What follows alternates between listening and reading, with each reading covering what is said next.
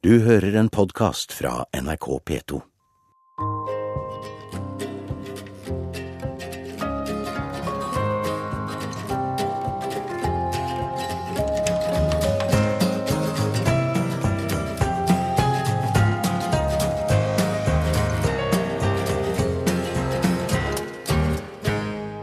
God dag, P2-lyttere. Mitt navn er Bjørn Vestli.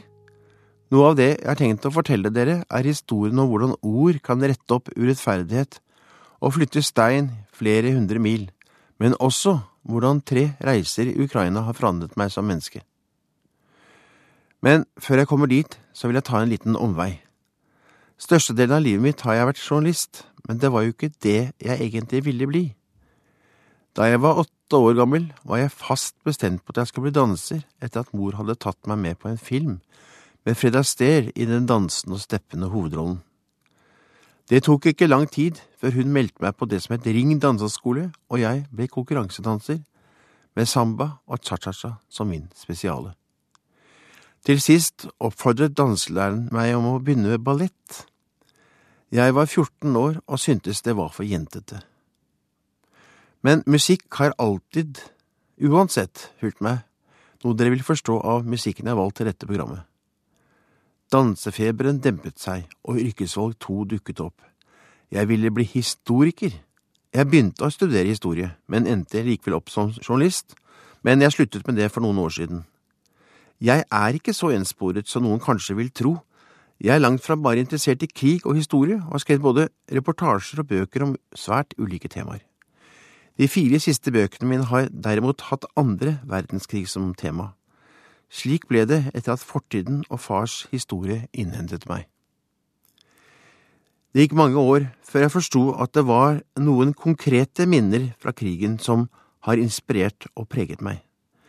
Det er vel det som har gjort meg til den jeg er i dag, og som har sendt meg ut på en lang reise. Tre ting har jeg tatt med meg. Det er et fotografi av en jødisk kvinne, et treskrin med blomstret fòr og vakre utskjæringer, og en rusten metallkopp fra en krigsfangeleir. De er forskjellige, men det som knytter dem sammen, er at de er gjenstander fra brutale hendelser og en krig som ikke minst har rammet millioner av andre mennesker. Nå skal dere få høre Eberhard Weber, The Last Stage of a Long Journey.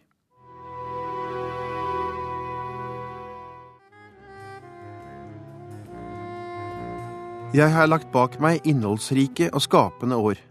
Det startet med en reportasje i 1995 som fikk store konsekvenser for meg selv, men også for andre. Jeg vokste opp i skyggen av annen verdenskrig, og faren min var en del av denne skyggen fordi han var medlem av Nasjonal Samling. Uten tanke på at fars parti bidro til at norske jøder ble arrestert og sendt ut av landet, det er i hvert fall ikke bevist meg, så skrev jeg historien om det jeg kalte det norske jøderanet i Dagens Næringsliv i mai 1995, altså for 20 år siden i år. Reportasjen handlet om hva som skjedde i 1942, da jødene i Norge ble frastjålet alt de eide av tyskere og ikke minst av nordmenn. På samme tid som nesten 800 jøder ble deportert for så å havne i dødsleirer, ble leilighetene deres og bankboksene deres tømt. Alle spor av jødisk liv i Norge skulle fjernes. Reportasjen bidro til en prosess og en renselse etter at regjeringen nedsatte en kommisjon for å granske det som hadde skjedd. I 1999 vedtok Stortinget å tilbakeføre over 400 millioner kroner til den jødiske minoriteten i Norge, definert som et moralsk oppgjør. Først noe senere forsto jeg at jeg måtte ha tenkt på et fotografi av Ruth Maier da jeg skrev reportasjen. Ruth flyktet fra Østerrike til Norge for å slippe unna de tyske nazistene som hadde invadert landet hennes, og som ville drepe alle jøder. Min mor møtte Ruth på Lillestrøm høsten 1940, der mor besøkte broren sin, og de to ble venner. Mor fikk derfor et fotografi av Ruth, og på baksiden står det Fra Ruth til Agnes, ha det bra, 5.10.1940. To år senere ble Ruth arrestert i Oslo og endte sitt liv i Auschwitz. Jeg har arvet bildet fra mor, og nå henger det på veggen i min stue. Som dere vil forstå, vil dette bildet for alltid være et minne om det som skjedde med henne på grunn av en ideologi som ikke aksepterte annet enn de ariske. Mor kom alltid tilbake til Ruths historie og forklarte på sin direkte måte at hun ble jo gasset. Da mors hukommelse ble svekket, var dette noe av det siste som forsvant. Ruth og mors vennskap gjør mor og fars felles historie enda mer paradoksal og problematisk. I januar 1941 bestemte far seg for at han skulle hjelpe Adolf Hitler og vervet seg for å bli SS-soldat. Han ble sendt til en krig i Ukraina der det å utrydde jøder var ett av målene. Mors jødiske venninne ble altså drept av den ideologien min far kjempet for. Mors familie var antinazister. Broren hennes, altså min onkel, var kommunist og aktiv i kampen mot okkupantene, men til tross for dette valgte mor å gifte seg med far under krigen, blindet som hun var av forelskelse. Men slik var hun, kanskje litt naiv, men også full av kjærlighet, men derfor så sårbar. Hun må ha trodd at det tross alt fantes en annen side i far, noe godt i ham som kunne dyrkes frem. Det tok meg mange år før jeg forsto at fotografiet av Ruth og skrinet fra Ukraina, som far etter krigen oppbevarte piper og tobakk i, på sett og vis har rammet inn mitt liv ved å være ytterpunkter i denne dramatiske, men også formende historien. Portrettet av Ruth hadde mor lagt sammen med et fotografi av far i skrinet, og slik fant jeg de to fotografiene. Mor hadde riktignok klippet til bildet av far, slik at ingen skulle se at det er en SS-uniform han hadde på seg. Nå skal dere høre gruppa The Cream med Strange Brew.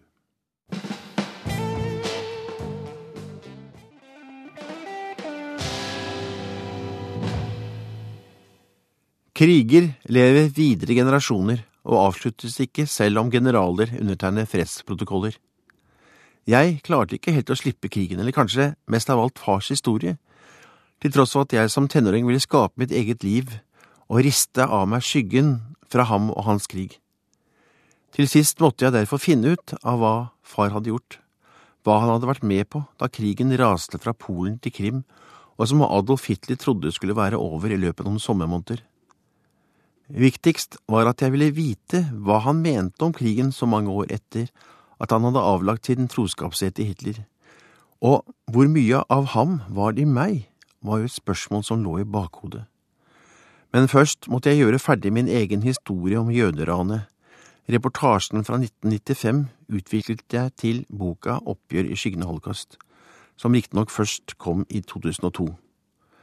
Først da den var ferdig, kunne jeg hente frem en treskrinne mor hadde gitt meg da far og mor skilte seg.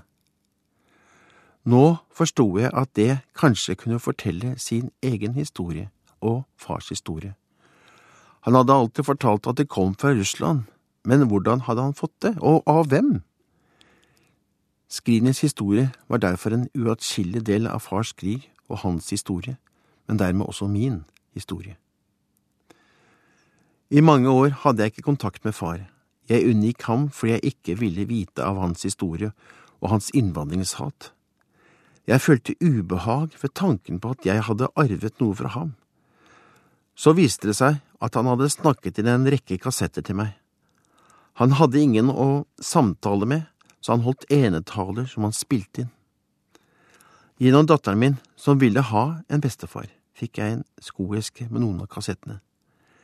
Jeg begynte å lytte til dem, ikke minst fordi han i noen av kassettene hadde tryglet meg om å høre på ham og hans fortelling.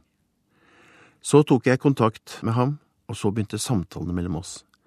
Jeg presset ham og forsøkte på alle vis å få svar ut av ham måned etter måned. Han hadde mareritt og vonde drømmer om opplevelsene fra fronten i øst. Jeg ville vite hva det var han drømte om. Men det klarte jeg ikke, til tross for at vi snakket sammen i mer enn to år mens far ble stadig eldre. Det er ingen tvil om at SS-soldater var involvert i drap på sivile, også jøder, ikke minst i Vest-Ukraina, der far var. Til sist spurte jeg ham derfor rett ut om hvor mange jøder han hadde drept. Han svarte ikke direkte på spørsmålet, men forklarte at ukrainere pekte ut jødene, Joden, Joden, sa de, sa far. Hva gjorde dere da, da, spurte jeg. Så kom det ikke noe svar. Kanskje ville han ikke, eller kunne han ikke svare. Spørsmålet mitt ble hengende i luften. Jeg bestemte at jeg måtte reise til Ukraina, der jeg hadde forstått at han hadde vært, og hvor skrinet også måtte komme fra. Til tross for at han alltid sa det var for Russland. Der hadde han jo ikke vært.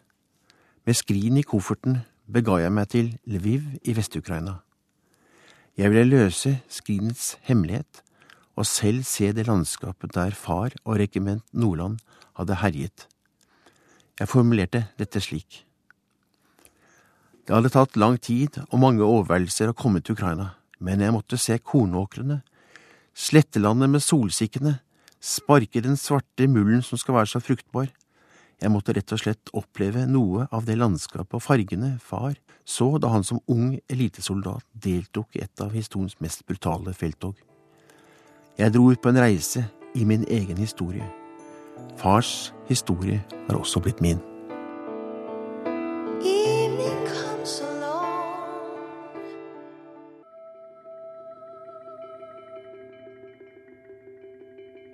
Dere har nå hørt Anneli Drekkers melodi Waiting for a Boat. Dette er Bjørn Vestli. Dette er mitt sommer i P2.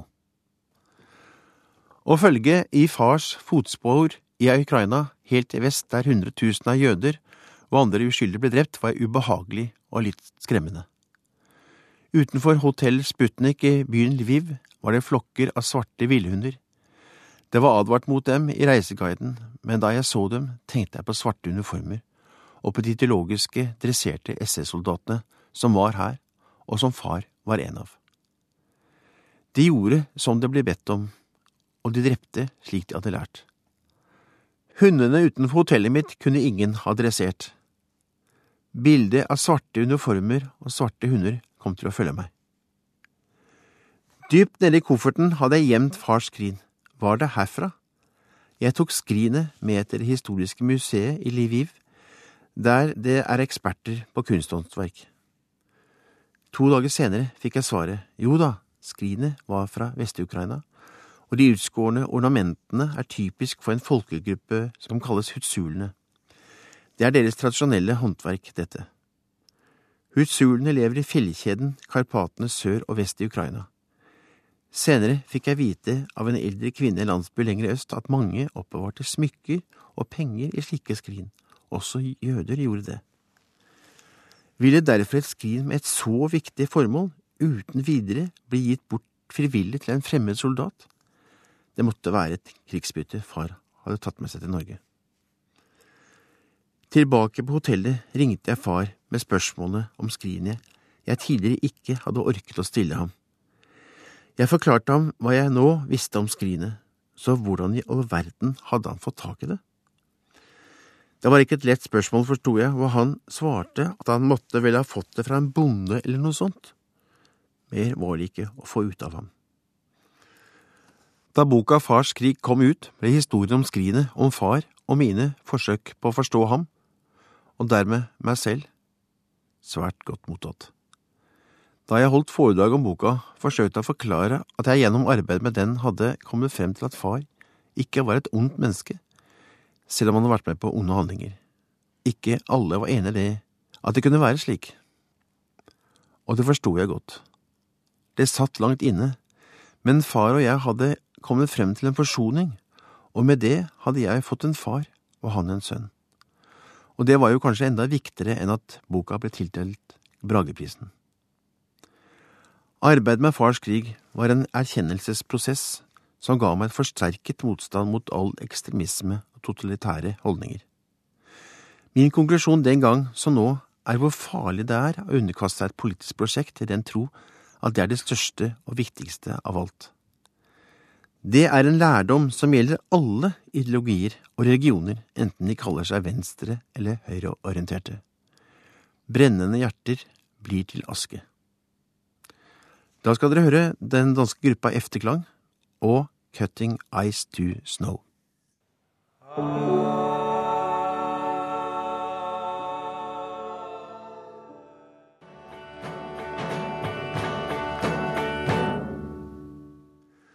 En dag i 2012 kom det et brev fra en pinsemenighet på Frena utenfor Molde.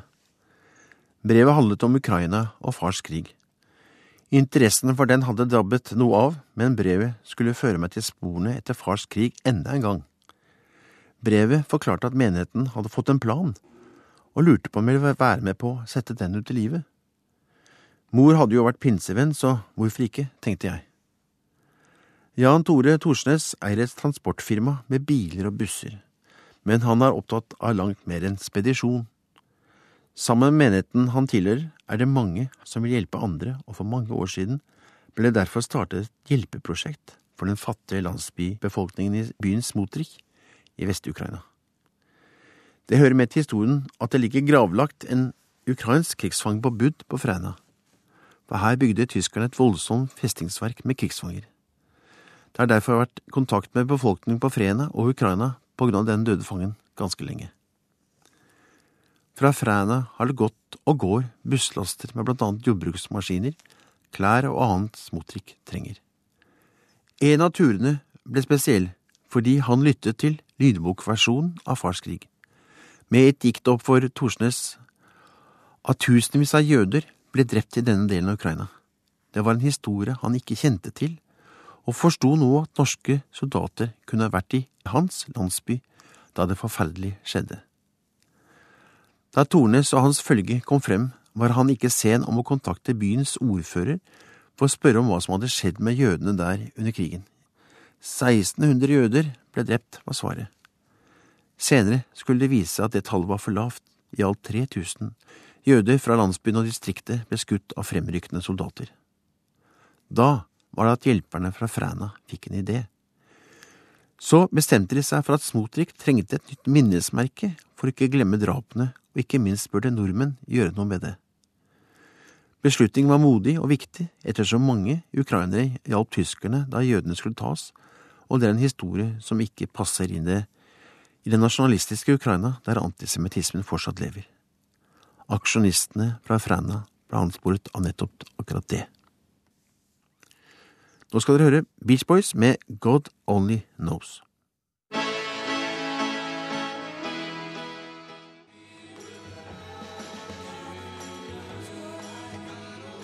I september 2013 sto et 700 kilo tungt og to meter høyt monument ferdig i lys Larvik-granitt.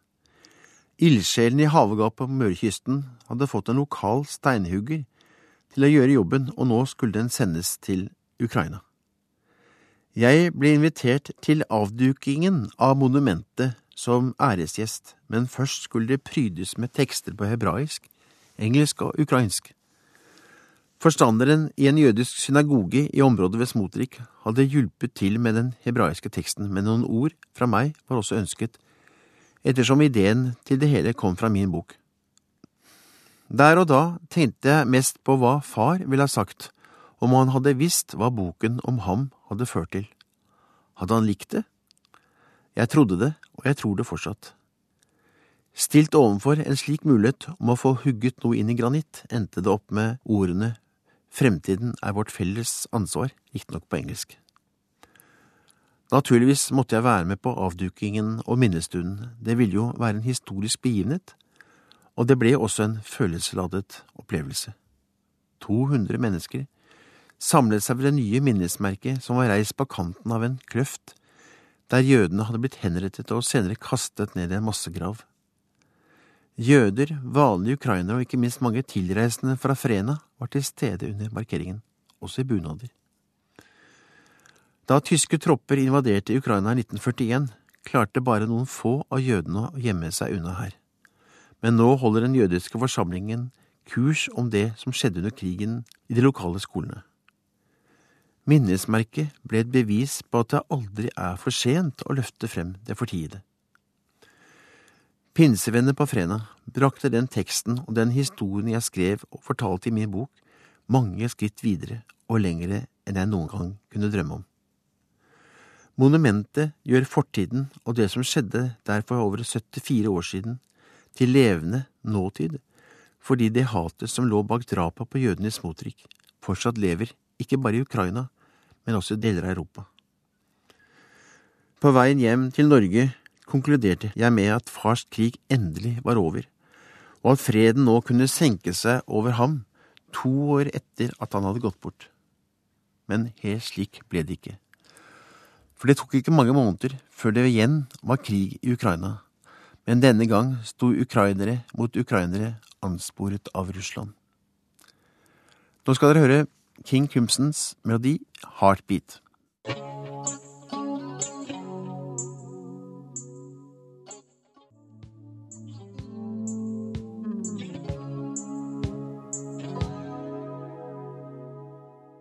Du hører på Sommer P2.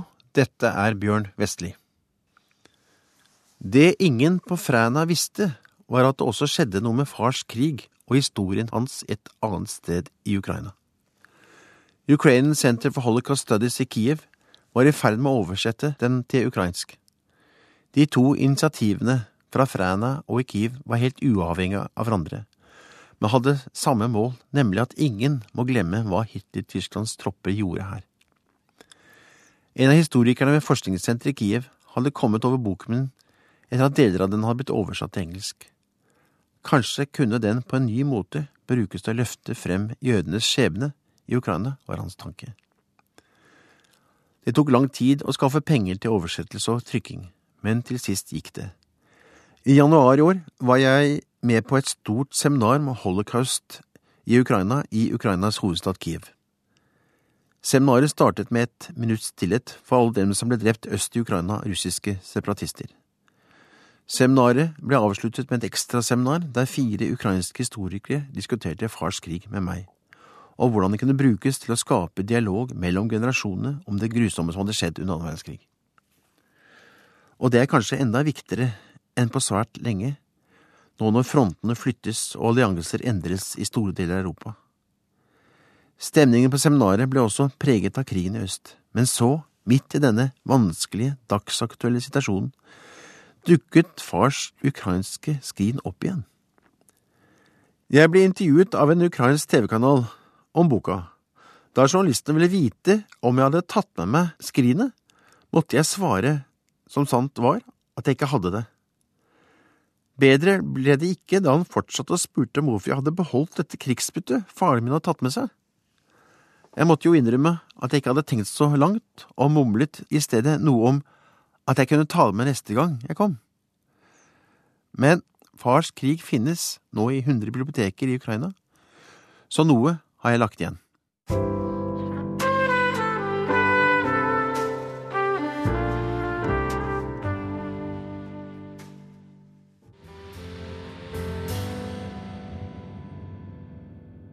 Dette var At Sea fra Mathias Eiks nyeste plate.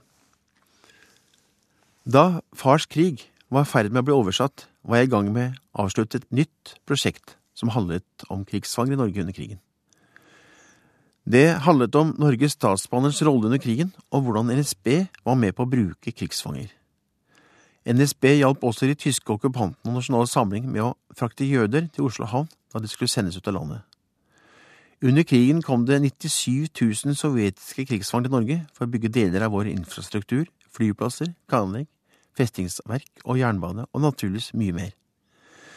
Det var mens jeg jobbet med dette at en kopp eller et krus fra restene av en fangeleir langs Nordlandsbanen dukket opp. Koppen er fra Bjørnelva, der sovjetiske krigsfanger var slaver på Nordlandsbanen. Slik skrinet fra Ukraina og bildet av Ruth Maier ble deler av to av bøkene mine, ble denne rustne koppen også en viktig inspirator for meg da jeg skrev boka Fangene som forsvant, NSB og slavearbeidet på Nordlandsbanen, som kom tidligere i år. At denne boka også har en tilknytning til far og hans krig, var noe jeg oppdaget da jeg begynte å forske på denne historien. Noe over 10 000 av de sovjetiske krigsfangene som kom til Norge, var ukrainere. Far husket nemlig veldig godt at han hadde vært fangevokter da hans regiment hadde tatt svært mange krigsfanger i Ukraina. Fra Mo i Rana til Fauske ble det satt inn 12 000–13 000 sovjetiske krigsfanger på den 14 mil lange strekningen der NSB selv hadde et overordnet ansvar for arbeidet. Faktisk kan det ha skjedd at noen av de fangene far voktet over i Ukraina, senere ble NSB-slaver i Norge. Jeg må innrømme at tanken streifet meg da jeg skrev boka, uten at jeg trukket det inn i den slik jeg nå gjør det her. Hvordan NSB har fortiet sin egen krigshistorie, og at NSB-ledelsen i alle år etter krigen har holdt fast på at NSB ikke gjorde noe galt, tilhører en av okkupasjonshistoriens mest problematiske sider. Fremstillingen av kriger og okkupasjoner former jo på en avgjørende måte nasjoner og menneskers syn på seg selv og sin egen historie, fordi en krig setter alt og alle på en prøve. Forfalskes krigshistorien som NSBs tilfelle, kan vi som nasjon og folk tro at vi er bedre enn vi er, og det kan lett få ubehagelige konsekvenser. 8. mai i år åpnet Jernbanemuseet på Hamar en utstilling om jernbanen og krigen. Koppen fra fangeleiren på Bjørnelva og Nordlandsbanen er en del av utstillingen som kalles Mørke spor. Åpningsdagen ble spesiell, for på mange måter ble alt det jeg har arbeidet med de siste årene samlet oppsummert der og da. Uten at det var avtalt, møtte jeg Jan Levin, som er sønn til en av jødene fra Trondheim som NSB fraktet til fangenskap i Berg fangeleir utenfor Tønsberg i 1942. Mot alle odds overlevde han krigen. Jeg møtte også Anders Aleksej Perminov, som er sønn til en sovjetisk krigsfange som klarte å bli igjen i Norge. Tredjemann på museumsåpningen var Pelle Langvik Hansen. Hans far var en av NSBs avdelingsingeniører som arbeidet med å bygge Nordlandsbanen under krigen, som jeg også skrev om i boka. Men samtidig var han også en modig antinazist, som med fare for sitt eget liv gjorde en stor innsats. Det ble et helt spesielt møte mellom oss fire. Far hadde jo vært en farlig mann for nettopp fedrene til de tre andre. Vi representerte derfor hver for oss, og også sammen, den krigen jeg har vært opptatt av. Men viktigst av alt var at jeg opplevde at vi sto der som venner, til tross for våre ulike historier. Med det ble 8. mai en virkelig frigjøringsdag. Og slik vil jeg derfor slutte historien om et skrin fra Ukraina, et fotografi av kvinnen som forsvant til et gasskammer, og en rysten kopp fra en krigsfangeleir ved Nordlandsbanen, men også historien om tre reiser til Ukraina, tre bøker, og, og hvordan en bok ble til et monument. Fortsatt god sommer ønsker jeg derfor til dere med Beatles sin sang We Can Work It Out. Livet er for kort til at vi skal krige og slåss.